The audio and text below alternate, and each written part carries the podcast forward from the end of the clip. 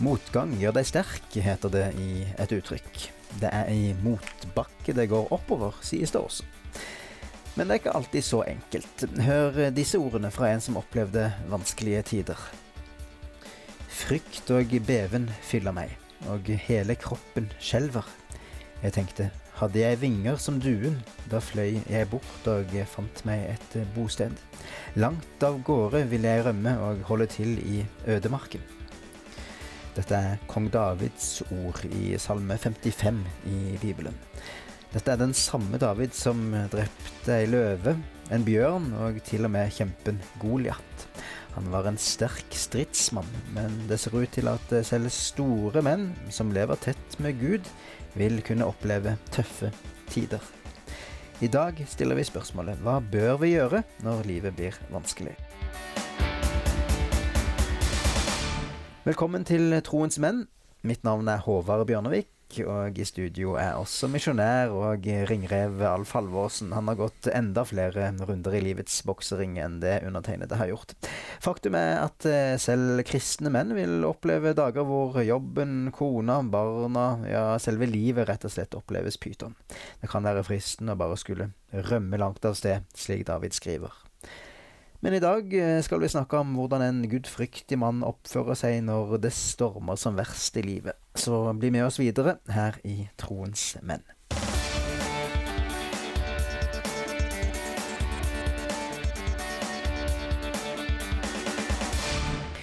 Alf eh, David fremstår som en skikkelig macho mann, kan hende. Han dreper en eh, kjempe kjempe. Han holder en løve fast etter skjegget og dreper den. Han eh, var konge i Israel. Men her i denne teksten da, der ser vi en sårbar utgave av David, en som sier 'Jeg skulle ønske at jeg bare kunne stikke av'. Ja, det er fint skriftig. Og vi vet jo av historien at David ikke rømte. Han, tvert imot, han ble jo konge etterpå. Men eh, det forteller oss at livet er tøft. Jeg syns David er et kjempeeksempel, fordi han begynte jo som en som de ikke regna med i det hele tatt. Når eh, eh far hans skulle eh, Isai skulle vise frem sine stønner, sønner for Samuel, når de skulle salve en ny konge. Så tok han jo etter eget skjønn den ene staselig etter den andre, og så han regna ikke med David i det hele tatt. Så spurte Samuel, fordi han fikk ikke noe fra Herren om at det var noen av disse, selv om de så staselige og tøffe ut. Ja, har du ikke flere sønner? Jo, jeg har jo en minstemann, sier han, men han er ute, står, står det så fint, han er ute på marken og gjeter småfe. Der begynte det for David. Før han da blei en sånn stor mann, men samtidig så var han liten hele tida, og som har etterlatt oss sånne perler som dette eh, salmeverset som vi leste. Så det er et fint, og, og ikke minst dette at eh, han eh, er åpen på at livet var tøft. Det er det avgjørende. Så eh, eh, det som vi må måles opp mot, Håvard, det er vår evne til å lytte til Gud i tøffe tider, ikke flykte. I første Peters brev 4 vers 19, der står det Derfor skal de som lider når eh, det er Guds vilje, overgi sin sjel til den trofaste skaper og gjøre gode gjerninger. For å si det kort, Håvard, vi skal følge Gud og oppføre oss fint. Det er enkelt å si, men eh, vanskelig å leve etter eh, innimellom. Ja, absolutt. Det er jo ikke sånn typisk utsagn i vår tid.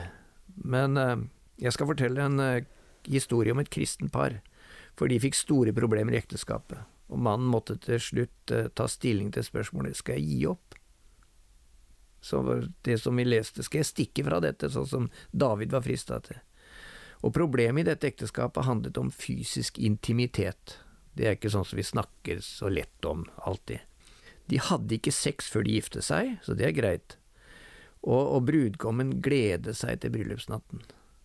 Men da tiden var inne og det store øyeblikket var der, da fant brudgommen bruden hulkende, liggende i fosterstilling med dyna over hodet.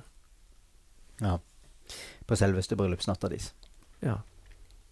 Og da, en kan jo selvfølgelig klandre for at ikke det var sagt før, men da fikk brudgommen høre at jenta han hadde giftet seg med, var blitt seksuelt misbrukt av sin eldre bror i oppveksten. Mm. Og det var slik dette parets ekteskap begynte. La oss kalle dem Martin og Ida. De første ti årene av ekteskapet hadde de et dårlig sexliv. Ida, hun uh, gjorde pliktløpet. Hun gjorde sin plikt som kone, selv om Martin visste at hun ikke kunne fordra det, og hun faktisk da mislikte ham for det han gjorde. Og det høres jo ikke akkurat ut som en enkel situasjon for noen av de. Ja, etter at de hadde vært gift i 20 år og fått fire barn, hadde Martin mistet tro på at han noensinne skulle få oppleve å ha et normalt, intimt forhold med kona si. Hun ble, hun ble surere og surere på ham. Hun fikk raseriutbrudd og kunne stirre hatefullt på ham etter at de hadde hatt sex. Eller hun kunne finne på å forlate rommet, sove på sofaen og frese mot ham i dagevis. Ja. Men eh, som du fortalte, da, så var eh, hun blitt eh, seksuelt misbrukt? Ja, av en eldre bror gjennom hele ungdomsskoletiden. Så det fantes altså en forklaring på oppførselen hennes. I tillegg vokste Martin opp med en streng, ukjærlig far på sin side, som stadig fortalte ham hvor lite verd han var, så Martin selv var følsom for kritikk. Idas reaksjon når hun ble stilt ansikt til ansikt med sitt sårepunkt, var altså å kritisere ektemannen, og dermed, uten at hun visste det, tråkket hun på hans såre punkt. Martin hadde ikke lyst til å skille seg fra henne, for det strider mot hans kristne tro.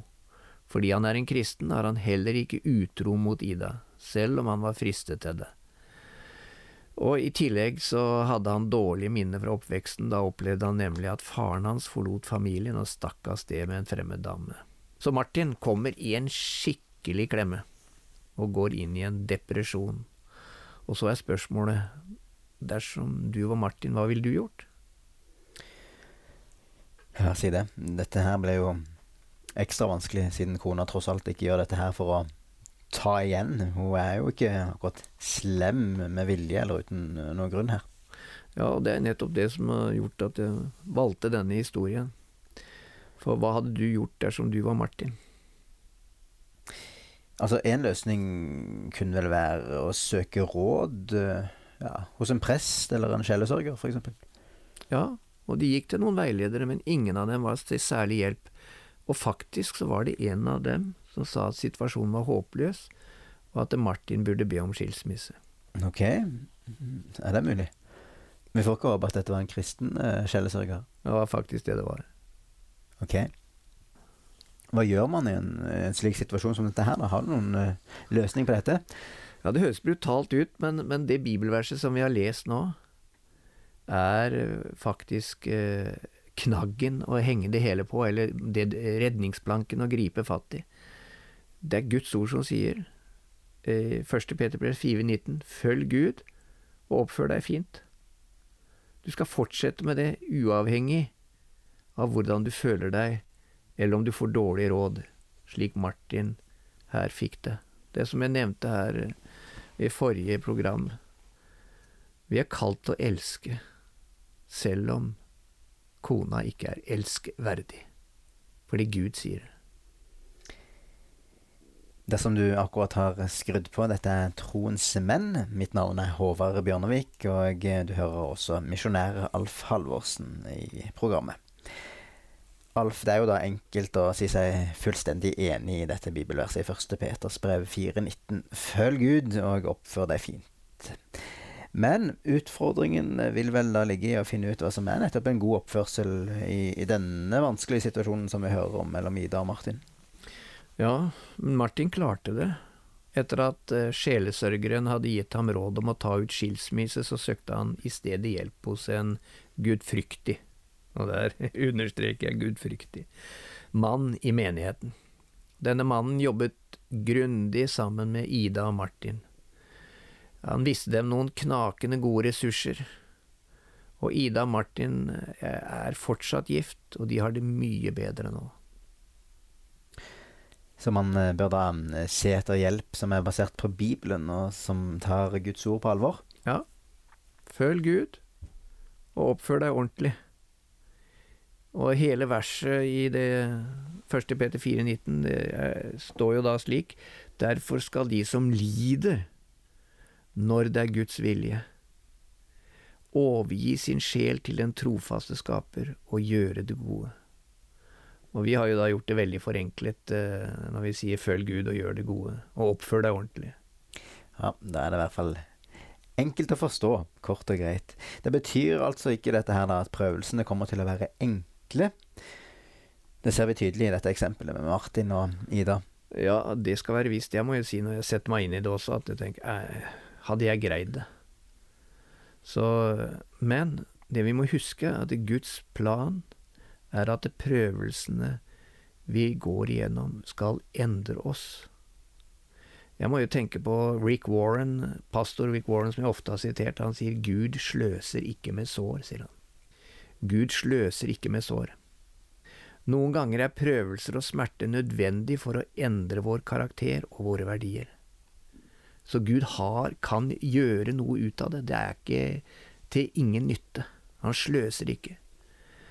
Det kan godt bli resultatet av en slik prøvelse som Martin og Ida måtte gjennom.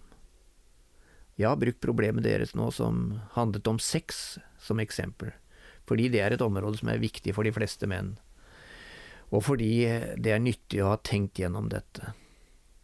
Og som kristne menn, hva hadde vi gjort i Martins situasjon? Det kan også tenkes at det er vanskelig på jobben, eller at barna våre har falt i synd, det kan være trøbbel med svigers, eller vanskeligheter i menigheten.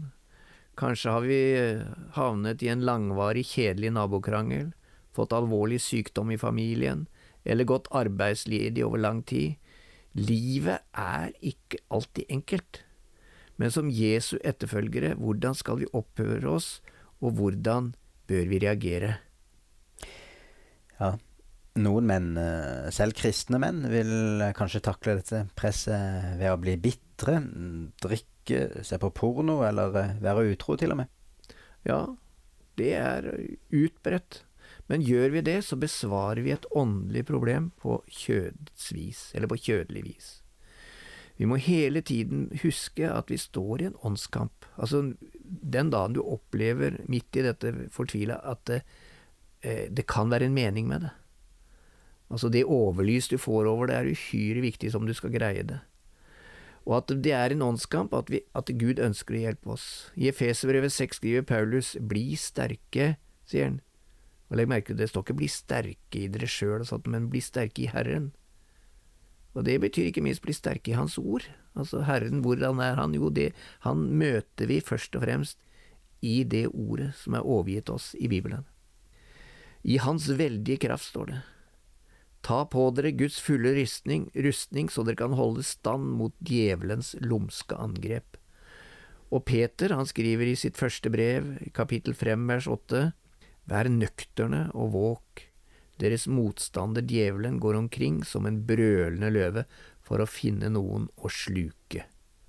Jeg har aldri hørt en brølende løve, men maliere eh, som jeg har truffet, sier at det brølet går så gjennom marg og bein at du nesten ikke greier å stå på beina. Og de som har klatra opp i et tre av frykt for det, de bare så vidt de greier å holde seg fast. Så, så det er noe av skremselen, den djevelske skremselen. Så djevelen benytter seg altså av slike situasjoner som den Martin og Ida opplevde. Han vil også angripe deg der du står i dine prøvelser. Så hva gjør du? Og Derfor så står det i vers 9, stå ham imot. Men hvordan? Jo, stå ham imot faste i troen. Dere vet jo at deres brødre rundt om i verden må gjennomgå de samme lidelser. Og du som hører dette, kan være midt oppi noe som er vanskelig, og du føler deg kanskje alene, du er sliten, du får lyst til å gi opp. Men hør, stå på, og hold fokuset på Herren. Og hør bare hva som står videre i vers 10. En kort stund må dere nok lide, men all nådes Gud, som i Kristus har kalt dere til sin evige herlighet, han skal utruste dere, gi dere kraft og styrke og stille dere på fast grunn. Don't give up, som Rick Warren sa. Så Gud har kalt deg til en tjeneste, også i den situasjonen du er. Husk det. Ja, det er godt å høre. Ja, og når vi er nær ved å gi opp, eller når vi lar våre egne behov eller ønsker styre, da er det to ting som har skjedd. Vi har tatt blikket bort fra Gud, vi ser bare vår egen situasjon, og vi har tatt øynene våre bort fra andre mennesker, og fokuserer bare på oss selv i stedet. Så hvor du har blikket, det er uhyre viktig. Og tilbake til Martin og Ida. Martin måtte forstå Ida. Forstå andre mennesker, altså. Deg, ikke bare se på deg sjøl. Og sette hennes behov foran hans egne. Hun måtte få mulighet til å komme over misbruk i ungdomsårene, slik at hun helt og fullt kunne klare å elske både seg selv og ektemannen. Alle menn har et valg. Vi kan velge å være røffe, være bitre på kona, på barna, på sjefen, på kollegaer eller naboer. Dette som kalles bitter rot, som ikke må få vokse opp. Der står en kamp hele tida. Og det er det ene. Vi kan velge bitterhet, eller vi kan velge å gå til Gud og oppføre oss ordentlig, som vi sa. Men for å klare å oppføre oss ordentlig, behøver vi Guds kraft. Og da for å få tilgang til eh, Guds kraft, og dermed nok eh, krefter til å komme gjennom ulike problemer og situasjoner og prøvelser. Da må vi ha et personlig forhold til ham, noe som kun er mulig gjennom eh, Jesus. Ja, og det er Bibelen veldig tydelig på. Første Johannes, jeg har lest det i de siste dagene, jeg har gått gjennom Første Johannes, og i kapittel 5, vers 11 og 12 så står det dette er vitnesbyrdet. Gud har gitt oss evig liv, og dette livet er i Hans Sønn. Den som har Sønnen, eier livet, men den som ikke har Guds sønn, eier ikke livet. Og Jesus selv sier jo i Johannes 14,6, Jeg er veien, sannheten og livet. Ingen kommer til Faderen uten ved meg. Så det kan godt være at du sitter og tenker når du hører det, ja, men Alf, jeg tror jo på Gud. Det er viktig å få med seg det verset som Jakob nevner i sitt brev i kapittel 2 vers 19. Du tror at Gud er én, sier han. Han snakker altså om en gudstro. Det gjør du rett i, sier han, men også de onde ånder tror det og skjelver. Forskjellen på, her er det forskjell på selve bruk av ordet tro, og det ligger at de onde ånder de trodde på en måte det, men de hadde jo ikke bekjent Jesus Kristus som sin herre og frelser. De hadde ikke et tillitsforhold til ham, de trodde bare på hans eksistent. Og de hadde ikke lovet å følge ham. Så spørsmålet mitt tilbake til deg blir, har du, har du bestemt deg, har du lovet Jesus å følge ham? Eller forsøker du å gå gjennom vanskeligheter alene? Prøver du å være en Guds mann uten Gud? Det behøver du ikke. For Bibelen sier, for hvis du bekjenner med din munn at Jesus er Herre, og tror i ditt hjerte at Gud har oppreist ham fra de døde, da skal du bli frelst. Med hjertet tror vi, så vi blir rettferdige for Gud, og med munnen bekjenner vi, så vi blir frelst. Hver den som påkaller Herrens navn, skal bli frelst. Så her i Troens menn så ønsker vi ikke å profilere en en tøff og sterk og macho. En troens mann, han har først og fremst blitt ydmyket mer. Det fins ingen religion i denne verden som er så ydmykende som det å eh, gi avkall på seg sjøl. Det å legge seg ned for Jesu føtter. Og tro det er å legge seg ned ved Jesu fot, og begge armer strekke den Herre Kristi mot. Så vi inviterer deg til å bekjenne dine synder, angre dem, Ta imot Jesus Kristus som din Herre og Frelser, og følge ham resten av livet. Ja, jeg ber om at eh, du som hører på, tar dette steget i dag, om ikke du har gjort det. Og uh, når du har uh, tatt imot Jesus som din Herre og Frelser, ta gjerne kontakt med oss her i Troens Menn. Du finner kontaktinfo på troensmenn.no. Fortell, så kan vi feire sammen med deg. Ja, det minner meg om eh, en eh, avdeling av denne menigheten i, til Rick Warren i Saddleback. De hadde noe som het Celebrate Recovery. Og det er, og veldig ofte menn, som hadde lidd under mange ting. Og kommet til Jesus og opplevd frihet og sånn. Og da kom de sammen og celebrate og feiret. Og det er sannelig noe å feire, men folkens, dette er hardt arbeid. Og derfor er det veldig viktig med å ha del i et kristen fellesskap, som kan oppmuntre deg, be sammen med deg og passe på at du følger Guds ord. Det gjør du best ved å lese i Bibelen hver dag. Hver eneste dag. Jeg trenger det. Eh, jeg trenger å korrigere mitt verdensbilde, mine holdninger, mine prioriteringer, hver eneste dag med å åpne Bibelen, om så i bare noen minutter. Og etter hvert som tiden går, vil du lære deg bibelvers, sånn som for eksempel Galaterbrevet 6,9, la oss ikke bli trøtte av å gjøre det gode. Når tiden er inne, skal vi høste, bare vi ikke gir opp. Don't give up. Hør her, dere, Martin og Ida ga ikke opp. Jeg tror Gud ser etter menn som står fast på ham i storm og vindkast, som følger ham uansett hvilke utfordringer og problemer de må gjennomgå, uten å vike eller se seg tilbake. Det som virkelig er en manns avgjørende egenskap, som vi skal måles og dømmes etter, det er hvordan vi oppfører oss når livet stormer. Hva gjør vi i møte med problemer? Når du kommer i en situasjon hvor du har lyst til å gi opp, være utro eller bli bitter, da sier Bibelen, kast alle dine bekymringer på Herren, for Han har omsorg for deg. Her eh, er noe viktig, og skal du ta med deg noe fra dagens program, ta med deg dette. Din verdi som mann avgjøres ikke av inntektsnivået ditt, jobbtittelen din eller andre ting som du streber etter å oppnå. Det handler om eh, hvordan du takler livets prøvelser. Vi vil gjerne oppfordre deg til å mm, gå til Gud, uansett hva du strever med, og gjør det som er riktig.